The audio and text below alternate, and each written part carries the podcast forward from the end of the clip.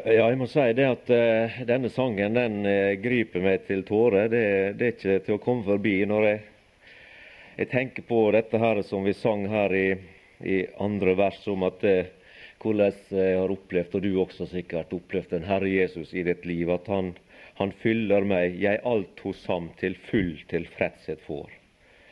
Jeg er tilfreds som en troende i denne verden. Jesus han har, er for meg og har gitt meg alt det jeg trenger. Så jeg føler at jeg er blant de privilegerte, blant de lykkelige i denne verden, som har lært den Herre Jesus å kjenne. Også når dere får tenke på at det, selv om jeg opplever Hans fylde i den forstand her, så er det likevel noe som står igjen som jeg skal få oppleve i enda større grad av fylde og velsignelse. Men klarligst jeg skal se ham hinsides himmelens dør da skulle det virkelig gå opp for meg eh, hva det betydde for meg her. At han greip meg i unge år og fikk meg inn på sin vei, inn i sin frelserfavn, og fikk bevare meg i en vond og vanskelig verden, trygt inn i Faderhuset. Så vi har all grunn til å synge denne sangen, 'Mitt hjerte drages dag for dag'. Og så er det dette ønsket som vi alle har mens vi er her, at det Dog må han mere bli for meg enn hva han var i går. Og Så er det veldig fint, syns jeg, å oppleve for min del, da, eh, slik som han Henrik la oss ifra ordet her til å begynne med, dette at det, det, det gir i grunnen eh, alminnelige folk som meg, da, som er nå egentlig en hvem som helst innenfor Guds forsamling, frimodighet til å kunne avlegge vitnesbyrd uh, for andre. Dette her at det, De som sitter og hører på, de er fulle av velvilje. Slik som man las fra apostelgjerningen. De tok imot ordet med all godvilje, all velvilje. De satt ikke med kritiske hjerter og med dømmende sinn. Men dette med granskinga, det tok de for seg når de kom hjem igjen. Og det var sikkert til velsignelse for taleren at ikke de setter i gang med en gang og knuser han som sto på talerstolen.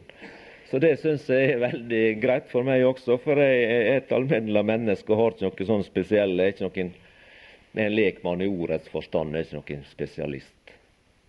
Og Det tror jeg også er, en grunn til at det alminnelige Guds barn kan være med å oppbygge den ene den andre hver sine ganger. At vi slipper dette spesialistvelde av såkalte spesialutdanna folk, og så skal vi andre bare sitte med munnen igjen. Gud han eh, åpenbarer sitt ord til alle sine. Det er bare å gjøre som han Henrik minte oss så fint om, at vi tar oss tid til ordet og gransker Skriftene. Så vil Den hellige ånd åpenbare sannheten for oss. Og så kan vi gå ut til hverandre og glede hverandre, oppmuntre og vitne for hverandre det som vi har sett i Ordet. I dag så vil jeg eh, ta for meg noen eksempel fra Det nye testamentet eh, som viser da hvordan det, dette med Kristus og vår stilling i Han. Vi har jo prøvd å gitt forskjellige svar fra Det nye testamentet på dette spørsmålet. Hvordan ser Gud på meg nå? Nå som jeg er en kristen, nå som jeg er frelst, nå som jeg lever i denne verden som et Guds barn. Hvordan ser Han på meg? Og Vi har eh, prøvd å minne hverandre om forskjellige ord som viser at det, vi er begunstiga. Vi er rike i Han. Gud ser på oss med velvilje. Vi er, som han Håkon minte oss om i går, vi er utvalgt og kostelige for Gud. Han ser på oss med velbehag. Vi har et øye i det himmelske som med et vennlig blikk ser på oss mens vi lever i denne verden. Men Det nye testamentet bruker forskjellige bilder eller metaforer for å vise betydninga av dette med å være i Kristus og være frelst og høre Han til. Og Vi skal prøve å minne hverandre kort om noen av disse bildene som blir brukt for å vise betydninga av og rikdommen i dette at du og jeg er i Kristus. Og Det første jeg vil lese, det er da fra Efeserbrevet 1, vers 22 og 23. Og han la alt under hans føtter og ga ham som hoved over alle ting til menigheten, som er hans legeme, fylt av ham som fyller alt i alle.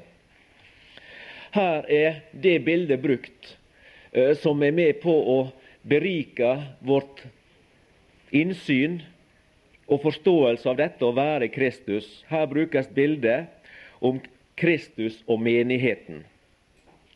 Et legeme, som du vet, det er bare å tenke på ditt eget legeme, på kroppen din. Et legeme, det er én en enhet. Vi kan snakke om foten, vi kan snakke om armene, vi kan snakke om de ulike delene. Men legeme som organisme, det er én en enhet. Og På samme måten så er Kristus og menigheten det er en organisme, det er én en enhet. Og legemsdelene de står i forbindelse med hodet og kan ikke fungere uten hodet. Det er slik i vårt fysiske legeme også, at det er her oppe sentra for tanke, for vilje og sånne ting eh, sitter. Og eh, ja, ja, vi kan jo ikke tenke oss at vi skulle leve uten hodet, det er jo greit nok, men, men du skjønner at hvis ikke de tingene fungerer, så fungerer heller ikke lemmene slik som de skal. For det er hodet som dirigerer signalet ut og gir beskjed om ditt og datt. Og lemmene, hvis legemet er friskt, så fungerer lemmene i forhold til de oppgaver og oppdrag som hodet gir. Og Slik er det i dette forholdet Kristus og menigheten også. Lemmene, du og jeg, som lemmer på Kristi lege, menigheten, eh, vi er uløselig knytta til Han som hode. Det innebærer jo det i, i det egentlige da, at det, det, er han som bestemmer. Og det har vi vel kanskje litt problemer med i vårt daglige liv som, som uh, kristne. At det, det er hodet som skal bestemme. Og jeg tror ofte det at uh, vårt fysiske legeme kanskje fungerer bedre enn dette uh, på noen åndelige plan, for vi har vel en, en evne til å ville gjøre som vi sjøle vil. Altså at lemmene skal bestemme, uavhengig av hva hodet bestemmer. Men iallfall idealet er sånn at hvis vi forstår dette rett, forholdet mellom Kristus og menigheten, hode og legeme der, så er hodet den som har råderetten, og lemmene utfører tjenestene og utfører de oppdrag som hodet bestemmer. Det står jo flere plasser i Det nye testamentet at, det, at det, vi hører ikke oss sjøle til lenger. Jesus han betalte en pris og kjøpte oss med sitt blod, slik at vi ikke lenger skal høre oss sjøle til, men han som døde og oppsto for oss. Og Det bestyrer jo også det at han ikke bare har eiendomsretten på oss, men han har også råderetten over våre liv. Slik at det, egentlig så er det han som disponerer oss, han disponerer våre, vår tid, våre evner, han disponerer hele vår personlighet. Vi skulle egentlig stille det fullstendig til hans disposisjon. Og så skulle vi lytte etter hans røst for å høre hva han vil med oss, og hvordan han vil bruke oss og ikke bruke oss. Og så skulle vi være, som han sa Einar Berg på Mossby en gang, når jeg snakka om dette her hjemme hos svigerfar en kveld, om eh, Maria ved Jesu føtter, og hun satt der og lytta til Guds ord. Mange, sa han, ville jo kritisere Maria. Eh, da tenkte han på liksom ute i forsamlingene, og en får liksom inntrykk av det, sånn at det, det er om å gjøre å sprenge beina av seg i å tjene Jesus og være i aktivitet og være på full fart overalt. Og det er et tegn på at uh, dette her er gode greier. Men han så ikke det det helt slik. Det han, det han så da, det var at det, vi skulle være så lydhøre overfor vår Herre og Frelser og Mester at vi satt stille når Han det ville, men at vi var lydhøre så når vi hører et gå, så gikk vi. Og han hadde vel noe rett i det. Men så er det også dette da, med legeme og hodet, at det, lemmene er jo også innbyrdes avhengige av hverandre. Det forteller jo Bibelen eh, ganske nøye om at det at eh, f.eks. så kan ikke armen si til foten 'Jeg har ikke bruk for deg', og omvendt. Vi er hverandres lemmer, som Det nye testamentet beskriver. Og Paulus sier det jo også slik da, at eh, hvis et lem lir, så lir resten av lemmene med. Og så skulle det også være sånn at hvis et lem kunne glede seg og fryde seg, så vil de andre lemmene glede seg og fryde seg med det lemmet. Fordi at vi er en levende organisme, og vi kan ikke unngå å få del i sorg og glede som vi opplever hos hverandre. Fordi at det, det er det samme pulserende liv som går gjennom alle lemmer. Men det er hodet som er den som bestemmer og har råderetten. Så jeg syns det er fint for meg å ha den tanken der at det, et av de bildene som blir brukt eh, på det å være i Kristus, og hva det innebærer for meg, det er denne intime, nære kontakten som vi har som legeme, lemmer på Kristi legeme, der Han er hodet. Og jeg som lem er helt avhengig av Han for å fungere. Utenom Han kan ikke fungere. Men at jeg også har det perspektivet i mitt liv at jeg fungerer ikke helt rett hvis ikke jeg fungerer rett i, forhold til de andre lemmene også. Så vi er avhengige av hverandre for å være det, den organisma som eh, han er hodet for. Det andre punktet jeg vil nevne, det finner vi i Johannes kapittel 15, som også er et bilde som Det nye testamentet trekker opp, som viser oss hva det vil si å være i Kristus. Og det er da forholdet mellom vintreet og grenene. Jesus han sier det i vers 5 i kapittel 15. Jeg er vintreet, I er grenene. Den som blir i meg og jeg i ham, han bærer med egen frukt. For uten meg kan jeg intet gjøre. Dette er et av de fineste bildene eh, som jeg syns iallfall på dette her, hva det vil si å være i Kristus og være frelst, og hva det innebærer for meg i forhold til den Herre Jesus.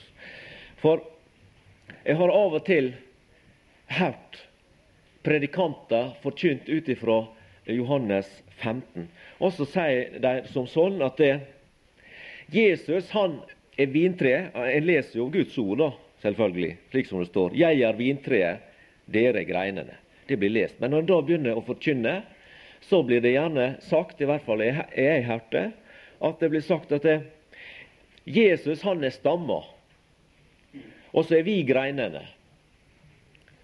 Og så er det snakk om da, Hvis den ikke bærer frukt, så blir den kutta av stammer, ikke sant? Slik at stamma den kan bli stående mer eller mindre naken. Greinene de, de er vekk.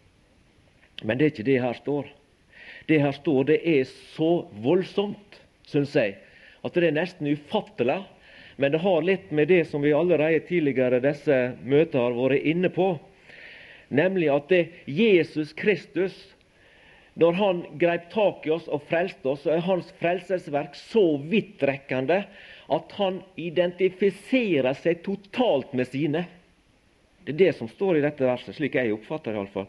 For han sier det at 'jeg er vintreet'. Og hvis vi sier dette her er vintreet, så er det jo greinene en del av dette treet.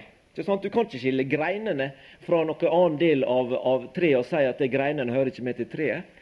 Greinene er jo treet.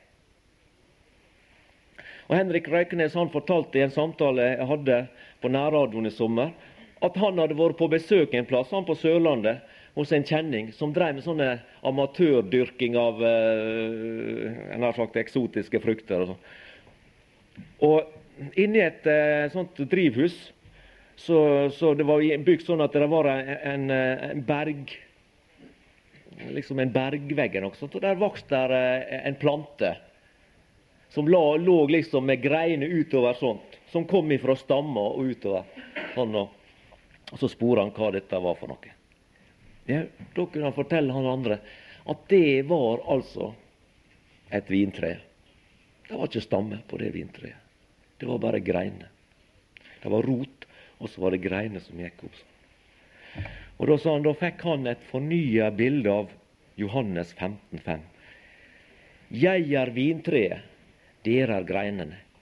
Jesus identifiserer seg med deg og meg, så han sier at det akkurat som, som uh, han hører han vet du, på vei til Damaskus.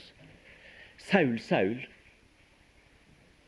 Ja, ikke, det ble ikke sagt Saul, Saul, hvorfor forfølger du de kristne?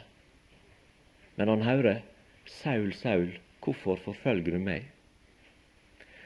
Den Herre Jesus han identifiserer seg med deg og meg på en sånn intim og nær måte at det som skjer meg, det skjer han. Det som skjer deg, det skjer han. Blir du forfulgt, blir du håna, blir du spotta av eh, folk i denne verden, så blir han håna og spotta og forfulgt i denne verden. Jeg er vintreet, og en del av dette treet er du og jeg. Vi er greinene. Og den som blir i meg, og jeg i ham, han bærer megen frukt. For uten meg kan jeg intet gjøre. Bildet på vintreet og greinene forteller meg følgende ut ifra Guds ord ellers, at i Jesus Kristus er vi skapt. Det sier ordet, at alt er skapt ved Han og til Han, og utenom Han er ingenting blitt til av alt det som er blitt til. Så i Ham er vi skapt. I Han får vi næring for vår tru. Det er Han som er vintreet, og han tilfører greinene næring, slik at treet kan vokse. Som vi også finner andre plasser i Nytestamentet fortalt om. Dette med å vokse. Det står også i Feserbrevet. Jeg skal komme til det seinere når det står om denne bygninga som skal vokse og sammenføyes. I Han er vi skapt, i Han får vi næring for vår tru. I Han er det vi produserer frukt. Uten Han har vi ikke liv. Uten Han er vi død. Og et vers om det, et kjent vers i 1. Johannes brev, det femte kapittel, vers 11. 1. Johannes 5, 11. Og dette er vitnesbyrdet, at Gud har gitt oss evig liv. Og dette liv er i Hans Sønn. Dette liv er i Hans Sønn. Jeg er vintreet, dere er grenene. Den som blir i meg og jeg i Han, han bærer megen frukt. Og så føyer han til for uten meg kan jeg intet gjøre. Og hvorfor det? Det er fordi det er Han som er grunnlaget for liv. For dette liv er i Guds sønn. Den som har Sønnen, har livet. Og når du og jeg da har Guds sønn, så har vi livet, og fordi vi har liv, så kan det produseres frukt, men ikke av oss. Men det er Han som produserer frukt. Det er Han som skaper livet, det er Han som gir næring for vår tru. Det er Han som gjør at vi produserer frukt i våre liv. For uten Han kan vi ingenting gjøre. Uten Jesus i den vonde verden, så er det bare evig dum og evig død bort ifra den Herre Jesus, som vi hører her til innledning. Uten håp. Uten håp. Men du og jeg som er gått over fra døden til livet, vi er nå fulle av håp og forventning og lengsel mot det som skal virkeliggjøres for oss når vi skal, som vi hører i går, ta vår arv i besittelse i fellesskap med den Herre Jesus, Han som er vår frelser og venn. Det neste jeg vil minne om, det er også fra Efeserbrevet. Det er i kapittel 2. Det er da et annet bilde som blir brukt på dette med å være Kristus, og hva det betyr for oss i vår stilling innenfor Gud. Og Det gjelder dette med bygning og Jesus som hjørnestein. Det står i kapittel 2 og vers 20 og 21 og 22 i som er bygget opp på apostlenes og profetenes grunnvoll, mens hjørnestenen er Kristus Jesus selv, i hvem hver bygning føyes sammen og vokser til et hellig tempel i Herren, i hvem også i bygges opp med de andre til en Guds bolig i Ånden. Jeg var eh, for litt siden og hadde akkurat dette på et møte. Det var inn på Emlem forbi Ålesund. Og De har nettopp satt seg opp et nytt bedehus, et stort, fint bedehus som var oppmurt i, i um, murstein, betong eller sånn lekablokker. Veldig flott og funksjonsmessig. Og da, men så er det jo sånn da på sånne byggeplasser ikke sant, at det er ikke alltid en får rydda opp alt. Eh, liksom sånt, og Så kunne det ligge en altså, tok jeg det bildet for deg at, at uh, før dere liksom begynte å bygge, så kunne det ligge Kanskje det lå noen lekasteiner ut forbi på, et, på området der. Lå liksom borti der, i et hjørne eller sånn. Og en sånn stein som ligger en stein, en lekastein, hva det som ligger liksom utpå der aleine for seg sjøl sånn. Den har jo ikke noe spesielt formål og hensikt og mening med at den ligger der. Men i det øyeblikket denne steinen ble tatt derifra, også sammen med andre steiner, ble satt i et system og en sammenheng som ble til slutt ei bygning, så fikk denne enslige steinen som på en måte lå der så meningsløs og forlatt for seg sjøl, han ble viktig i dette byggverket. Han ble en del av det som da ble kalt Emblem bedehus.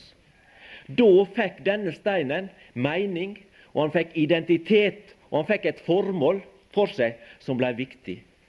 Og Slik ser jeg det liksom for oss også, at når vi i vår ufrelste tilstand, som en synder, så ligger vi som en død stein vi er døde i synde overtredelser. Vi ligger der formålsløs. På en måte i forhold til Gud, snakker jeg om nå. Uten håp og uten Gud i denne verden. Vi har ikke noen mening eller formål der vi er, som døde i synd og overtredelser. Men så kommer den Herre Jesus, den store byggmester, ikke sant? og så tar han denne steinen og så setter han den inn i en sammenheng i den bygninga han holder på å bygge i denne verden. Kristi menighet. Han, han holdt på å velge seg ut et folk for sitt navn, som står i apostelgjerningene. Og da får denne synderen, når han blir frelst og kommer inn i denne sammenhengen, da får han identitet. Da får han verdi. Da får han mening, og da blir det et formål med hans liv. Han er en, en del av dette byggverket som skal bygges opp som her står en bolig i ånden, et Herrens tempel. Er ikke det stort? Jeg syns det er stort å oppleve dette her, at jeg skal få jeg, slik som jeg er, som en fattig stymper og synder og elendig på alle vis, skal bli tatt hånd eh, om av Gud og fått inn i en stor sammenheng, en evig sammenheng, der også jeg får mening med mitt liv. Der også jeg, mitt lille jeg, får betydning sammen med alle andre. Jeg syns det var så fint. Jeg satt og las på det når jeg forberedte meg nå igjen. Dette med at det, Der står at det, i hvem også i bygges opp med de andre. Med de andre. Det syns jeg ble så fint Og se det igjen. Med de andre til en Guds bolig i ånden. Du er viktig, jeg er viktig, alle Guds barn er viktig som deler av dette byggverket, der Jesus er hjørnesteinen. Og Jesus han er grunnstein også for å bruke det, at det, det er ingen annen grunnstein eller grunnvoll lagt enn Jesus Kristus. Og den som bygger på denne, han bygger rett. Og En hjørnestein bestemmer jo gjerne at der skal bygninga ligge, ikke sant? og den bestemmer også retninger, som lager en retninger og vinkler etter denne hjørnesteinen. Og Så begynner en å legge andre steiner, og så blir det et byggverk, og så står det til slutt ferdig. Og Det har vi vært opptatt med i denne helga, og også eh, sunget mange sanger om.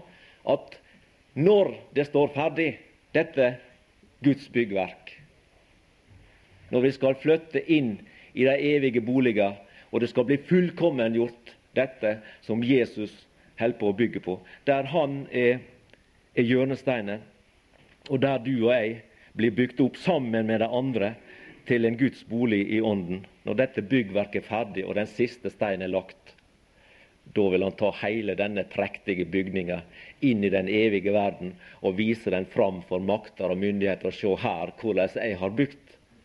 Her viser jeg nå fram mesterverket mitt. Vi er Hans mesterverk, skapt i Kristus Jesus til gode gjerninger, som Han har lagt ferdig for at vi skulle vandre i dem. Men jeg syns det var liksom så godt for meg sjøl å tenke på dette her, at det, i Kristus Jesus som en sånn liten levende stein som han levende gjorde, som rykker meg ut av en meningsløs tilværelse i denne verden, og så setter meg inn i en meningsfull tilværelse sammen med andre troende og bygger meg opp til en Guds bolig i ånden. Da fikk jeg liksom verdi og identitet, og jeg får se mening og formål med mitt liv som et Guds barn. Det neste jeg vil minne om, som også er et fint bilde på dette med hva det betyr å være i Kristus, og hvordan Gud ser på meg nå. Og Det er det som vi finner i Johannes evangelium kapittel 10, dette forholdet mellom hyrden og sauene.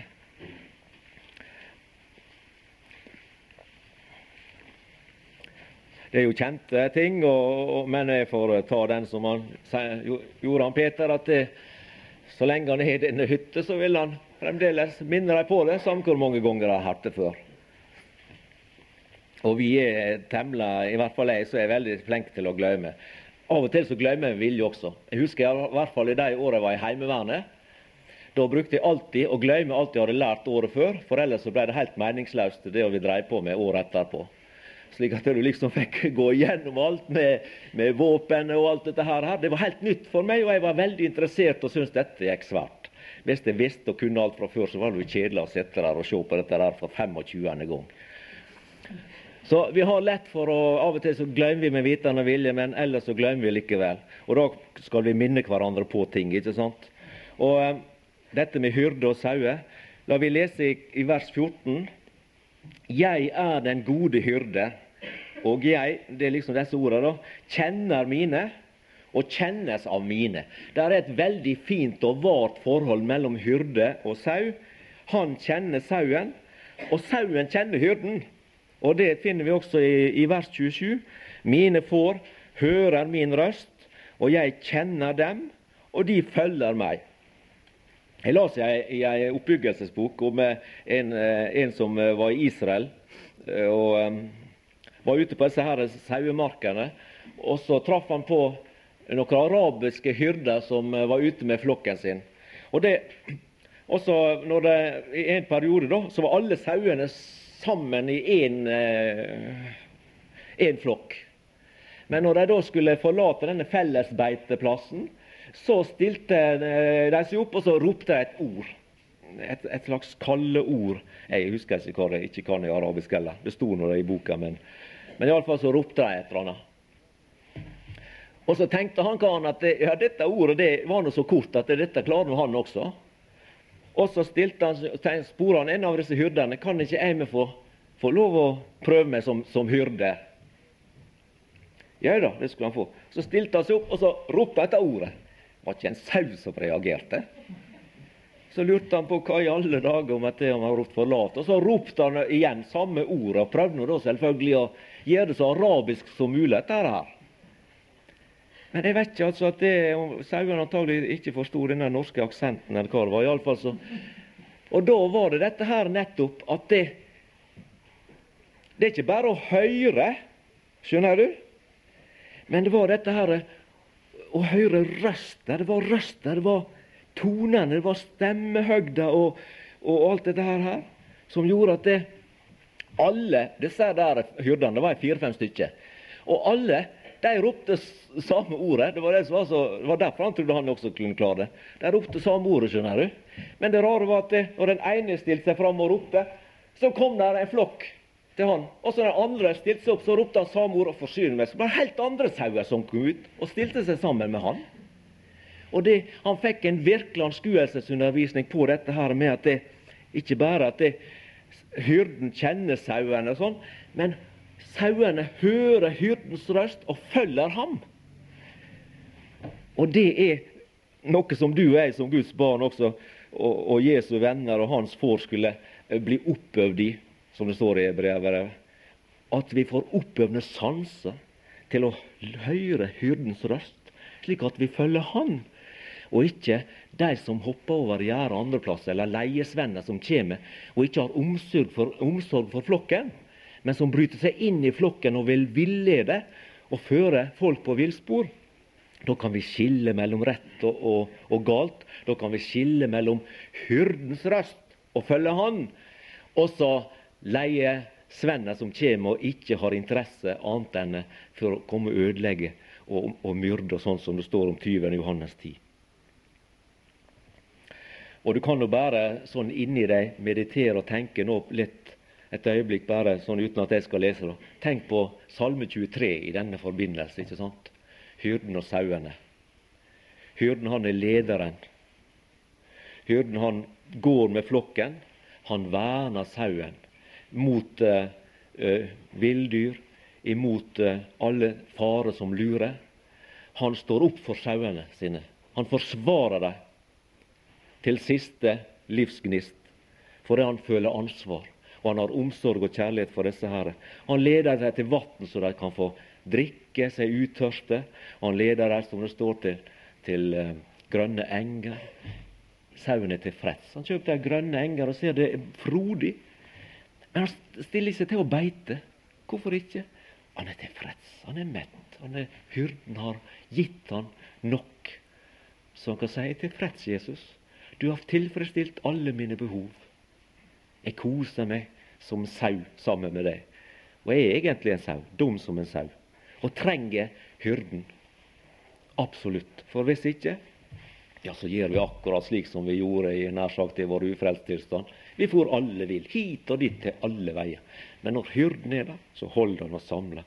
Så holder han oss nær til seg. Så verner han oss, leder oss, tar seg av seg og fører oss gjennom verden gir oss mat og gir oss næring, som jeg var inne på i stad.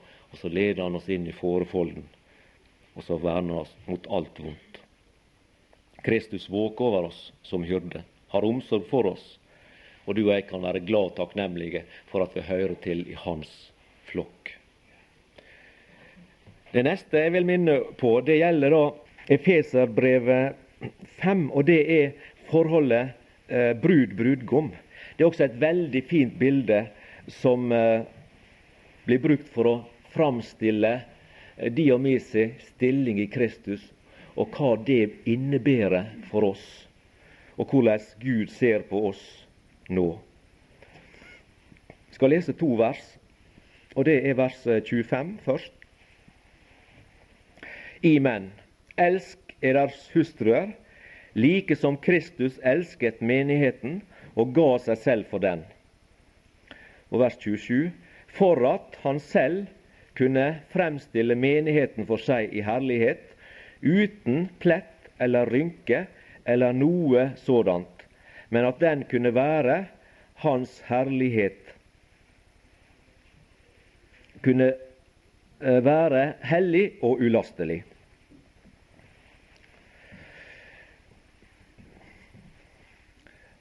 her bruker han dette med forholdet mellom Kristus og menigheten som et grunnlag og en grunngiving for hvordan vi som menn skulle være overfor våre respektive.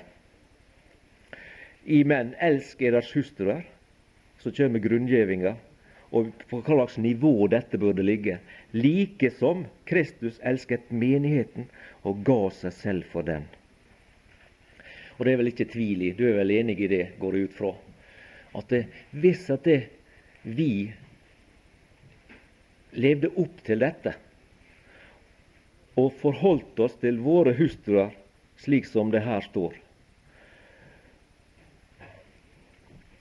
så ville mye av det som vi kan lese om i massemedia, som foregår rundt omkring i enkelte eh, miljø og enkelte distrikt og sånt, av det som blir kalt for koneplaging og, og eh, terror. Og, og der er, du vet, der er jo flere sånne krisesentre oppretta for ting som har skjedd.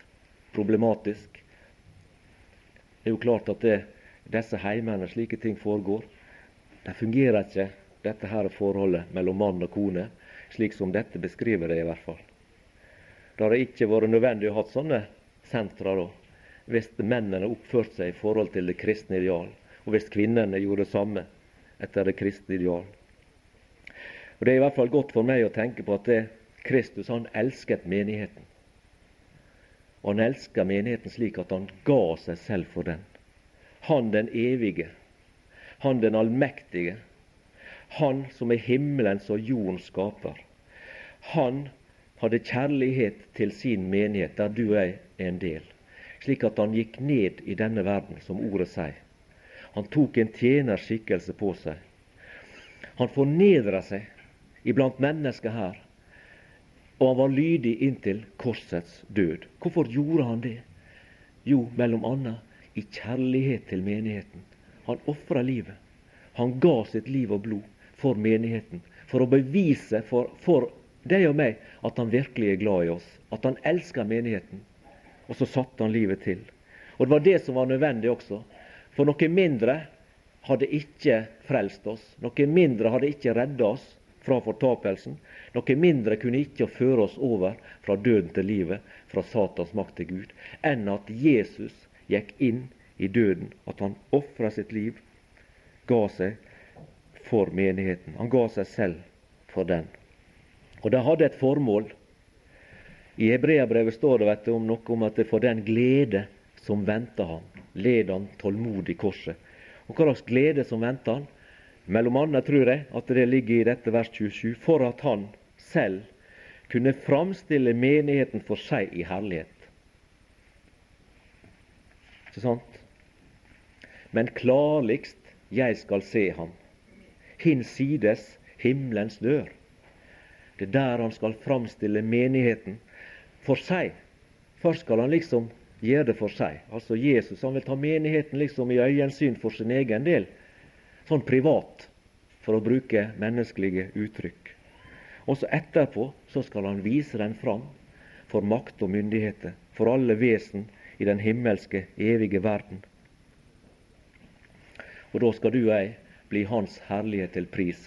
Da skal det at eh, vi blei frelst og bygd opp med hverandre til en Guds bolig i ånden, da skal det falle tilbake på Han og gi Han ære og pris gjennom evigheters evighet.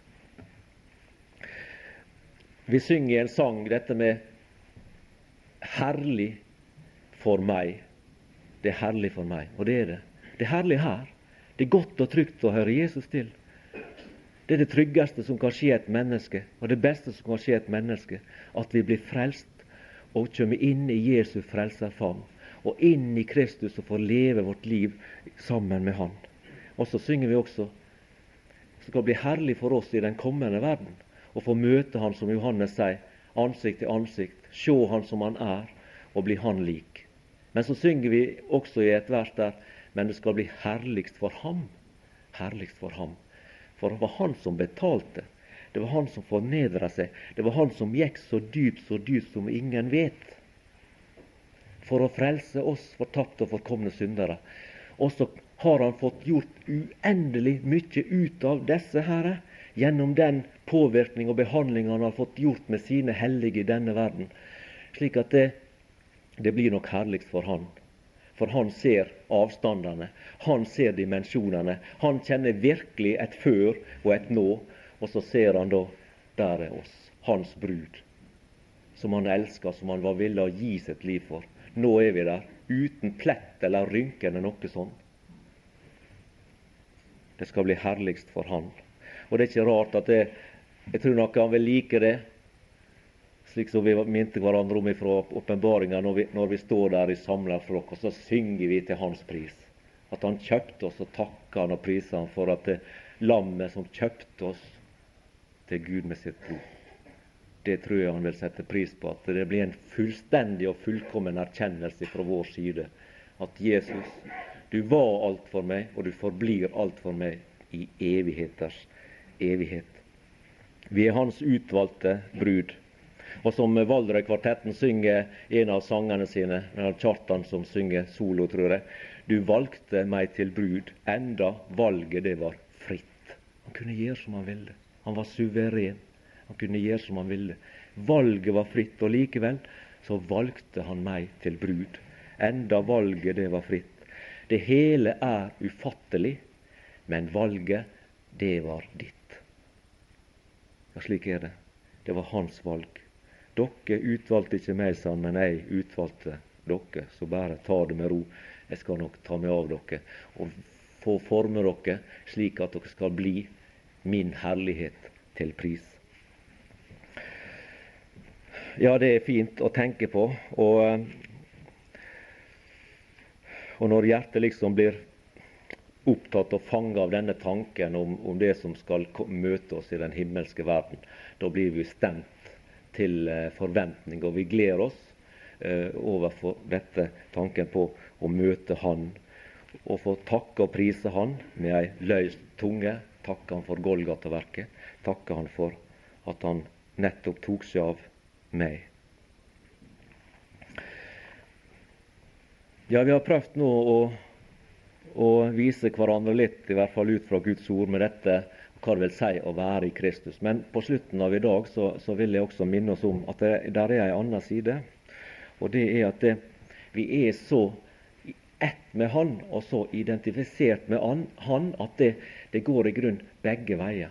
Akkurat som vi las om her ifra, ifra Johannes 15, 5. Den som blir i meg, det er å være i Kristus. Men så var det et annet uttrykk også og jeg i ham.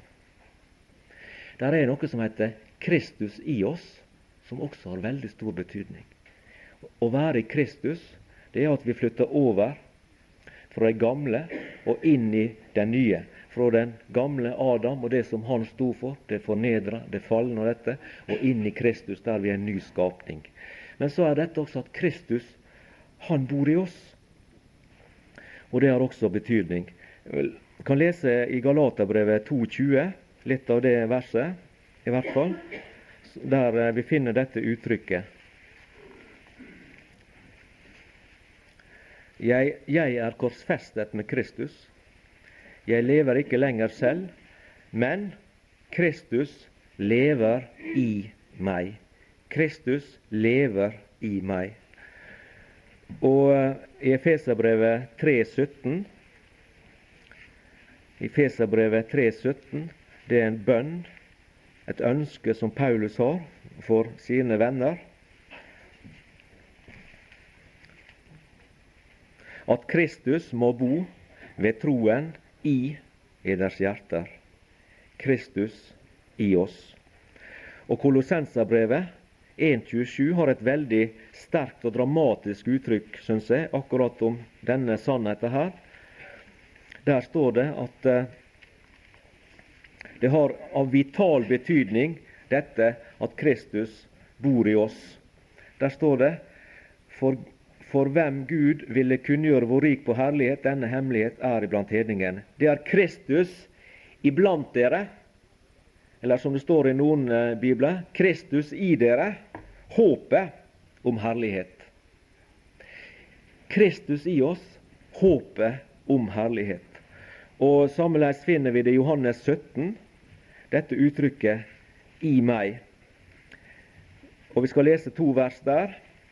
Det er vers 23 og vers 26. Johannes 17, vers 23. Jeg i dem og du i meg, for at de skal være fullkommen til ett, så verden kan kjenne at du har utsendt meg og elsket dem, liksom du har elsket meg. Og jeg har kunngjort dem ditt navn, og jeg vil kunngjøre dem det, for at den kjærlighet hvormed du har elsket meg, skal være i dem, og jeg i dem. Jeg syns at dette uttrykket at jeg er, jeg er i Kristus, og Kristus er i meg. Disse to tingene til sammen forteller meg om den dybde, om den rikdom som det er i fellesskapet og samfunnet med den Herre Jesus. Det gir meg tillit til Han, det gir meg identitet som en kristen, og det gir meg håp for framtida. Og også en motivasjon i dette her, å leve for Han i denne verden. Jeg tenkte litt på det her. Det er kanskje, jeg vet ikke om det Ja, du kan jo eh, tenke på det, du også. Jeg kan jo nevne den tanken som slo meg her i stad. Efeserbrevet eh, forteller jo at det, vi er oppvakt med ham, og så er satt med ham i himmelen. Så jeg fikk liksom se, se et lite bilde der at eh, Jesus han lever i himmelen. Der er han i dag. Han lever i himmelen. Men så lever han her også. Og så på den andre sida jeg lever her, men så lever jeg i himmelen også. For jeg er i himmelen i Han. Og så har jeg liksom en del av meg der, og så er jeg her.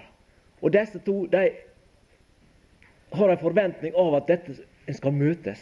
Da blir en heil.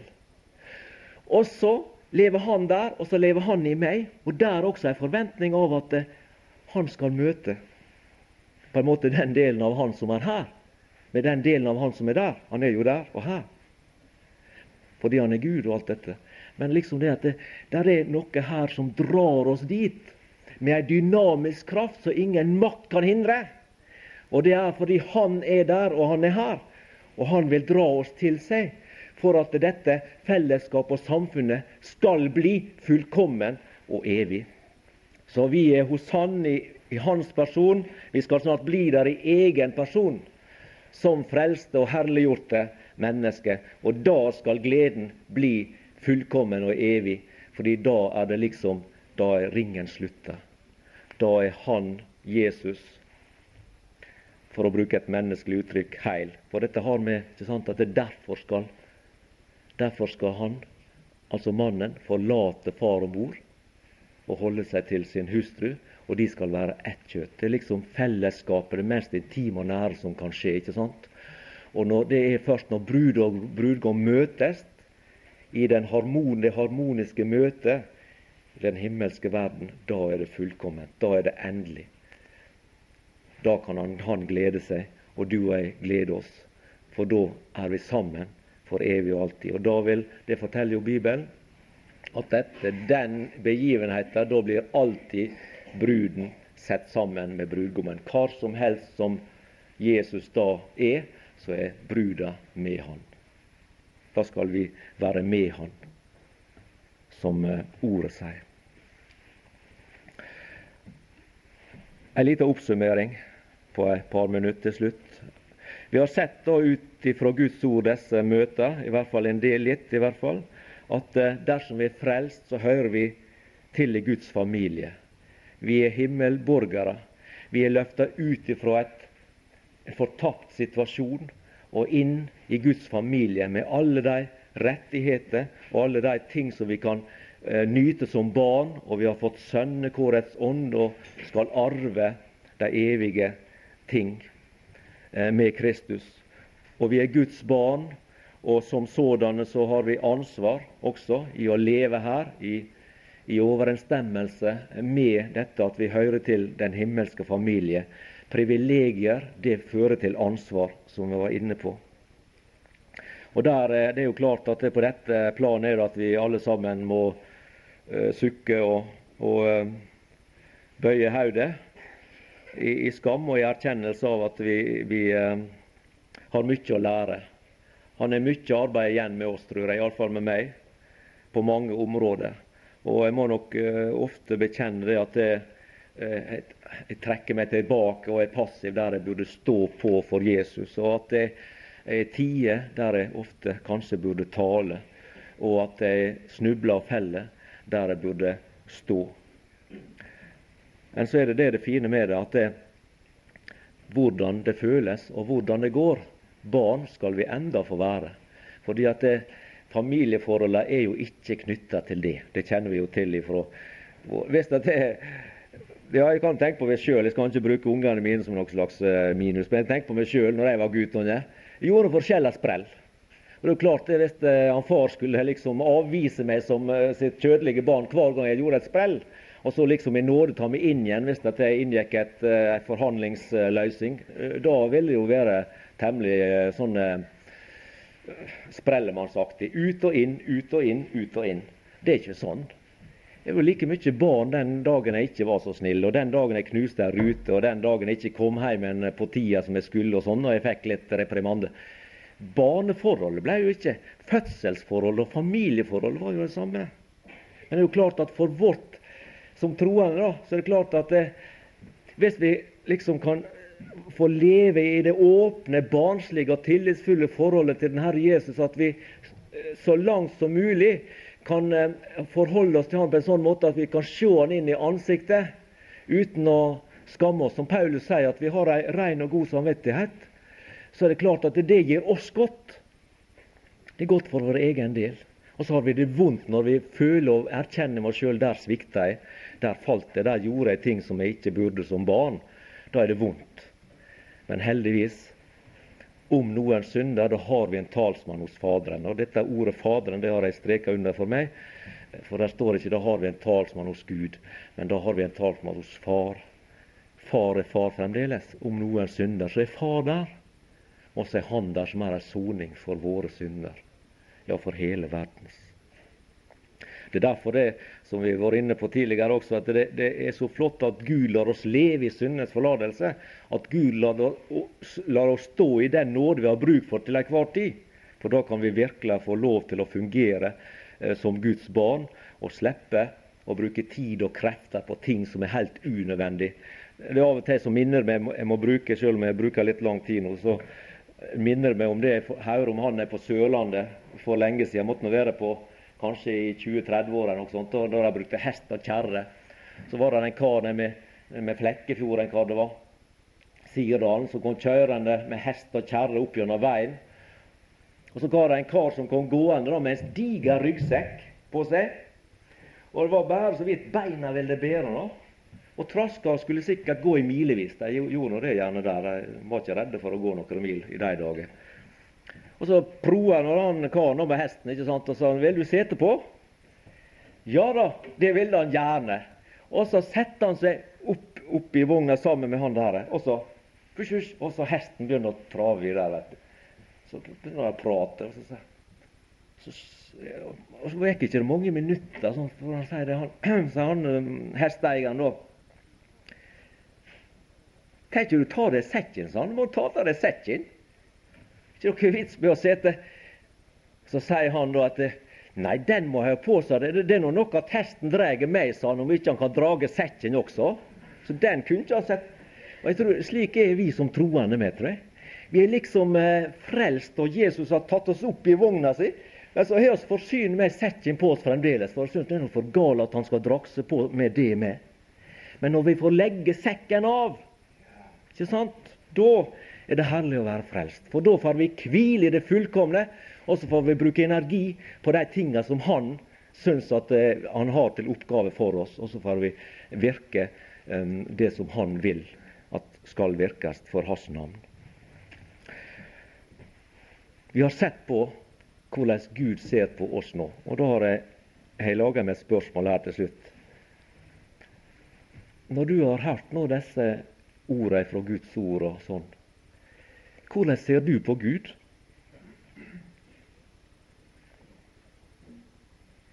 Du har hørt hvordan han ser på deg. Hvordan ser du på han? Hva slags gjensvar gir den, disse sannhetene for ordet i ditt hjerte i forhold til han? Ser du på han med takknemlighet? Ser du på han med, med fryd i ditt hjerte? Ser du på han som den som er ditt alt? og Han som betyr alt for deg, Han som har gjort alt for deg, og at du kan si at det, uten deg, Jesus, så har ikke det mening å leve. Du er det som gir livet mitt innhold. Du er det som gir livet mitt mening. Du er den som gir livet mitt perspektiv. Du er den som gir livet mitt håp, som ordet sier i Gamle testamentet, for å gi dere framtid og håp. Det er trygt og godt å hvile i Hans allmakts hender og vite at Han vil ta seg av oss hele reisa. Det vil jeg takke deg for, Herre. At uh, denne allmakta som du har vist gjennom skaperverket, sammen med din evige kjærlighet og din omsorg og alle dine evner og krefter og ressurser vil du sette inn på å føre frelste syndere hjem til himmelen. Derfor er det trygt å overlate oss i din hånd. Det er trygt å følge hyrden. Det er trygt og godt å leve i samfunn med deg, Jesus, og vite at du som begynte en god gjerning i oss, du vil fullføre den inntil Jesu Kristi dag. Takk, Herre, for sannheten om at vi er i Kristus, og at du bor ved troa i våre hjerter, og at vi en dag skal forenes i den forstand at vi skal møte deg på den evige strand, og at vi skal få bli din brud, og du vår brudgom. at vi skal ta del i det himmelske bryllup, og at vi etterpå det skal være sammen med deg for evig. Det er så stort at det, det er ufattelig at vi skal få del i dette, vi som i oss sjøle er syndige mennesker, fortapte, forkomne, fordømte. Og så løfter du oss i din Sønn opp i ei sånn uendelig høg stilling at vi blir likedanna med din Sønns bilde, som det står, og at vi skal arve alle ting med Han. Herre, vi har noen nokre som vi gjerne så skulle få del i dette, av de som står oss nær i livet. Slektninger, venner, kjente. Herre Jesus, vi legger dem fram for deg i denne stund. Ber om at eh, de må få oppleve frelsesfryden i sitt hjerte, de også. Jeg ber for dine barn, Herre, eh, som er sjuke og skrøpelige, og som ønsker samfunn med troende, men som ikke kan komme seg av gårde på møte. Herre Jesus, vil du komme nær til dem også. La de få kjenne og merke din omsorg. La de få kjenne og merke det at de er i trygge hender, sjøl i, i, nødens stund og i sorg og, og i ensomhet. Så er du med, Herre. Du vil ingenlunde forlate oss, og ingenlunde slippe oss i samme hva slags livssituasjon vi er i. Du vil ta det av oss og føre oss hjem så vil jeg be deg for vennene her. Herre Jesus, takk for eh, det åndelige fellesskapet som vi har fått delt med hverandre. Og Jeg vil be Herre om at du vil ta deg av det, velsigne dem, og at eh, de får fortsette å stå i tjenesten for evangeliet. Gi dem frimodighet, gi dem visdom og kraft til å være dine vitner hver i sin sammenheng. Det ber vi om, Herre, i ditt dyrebare navn. Amen.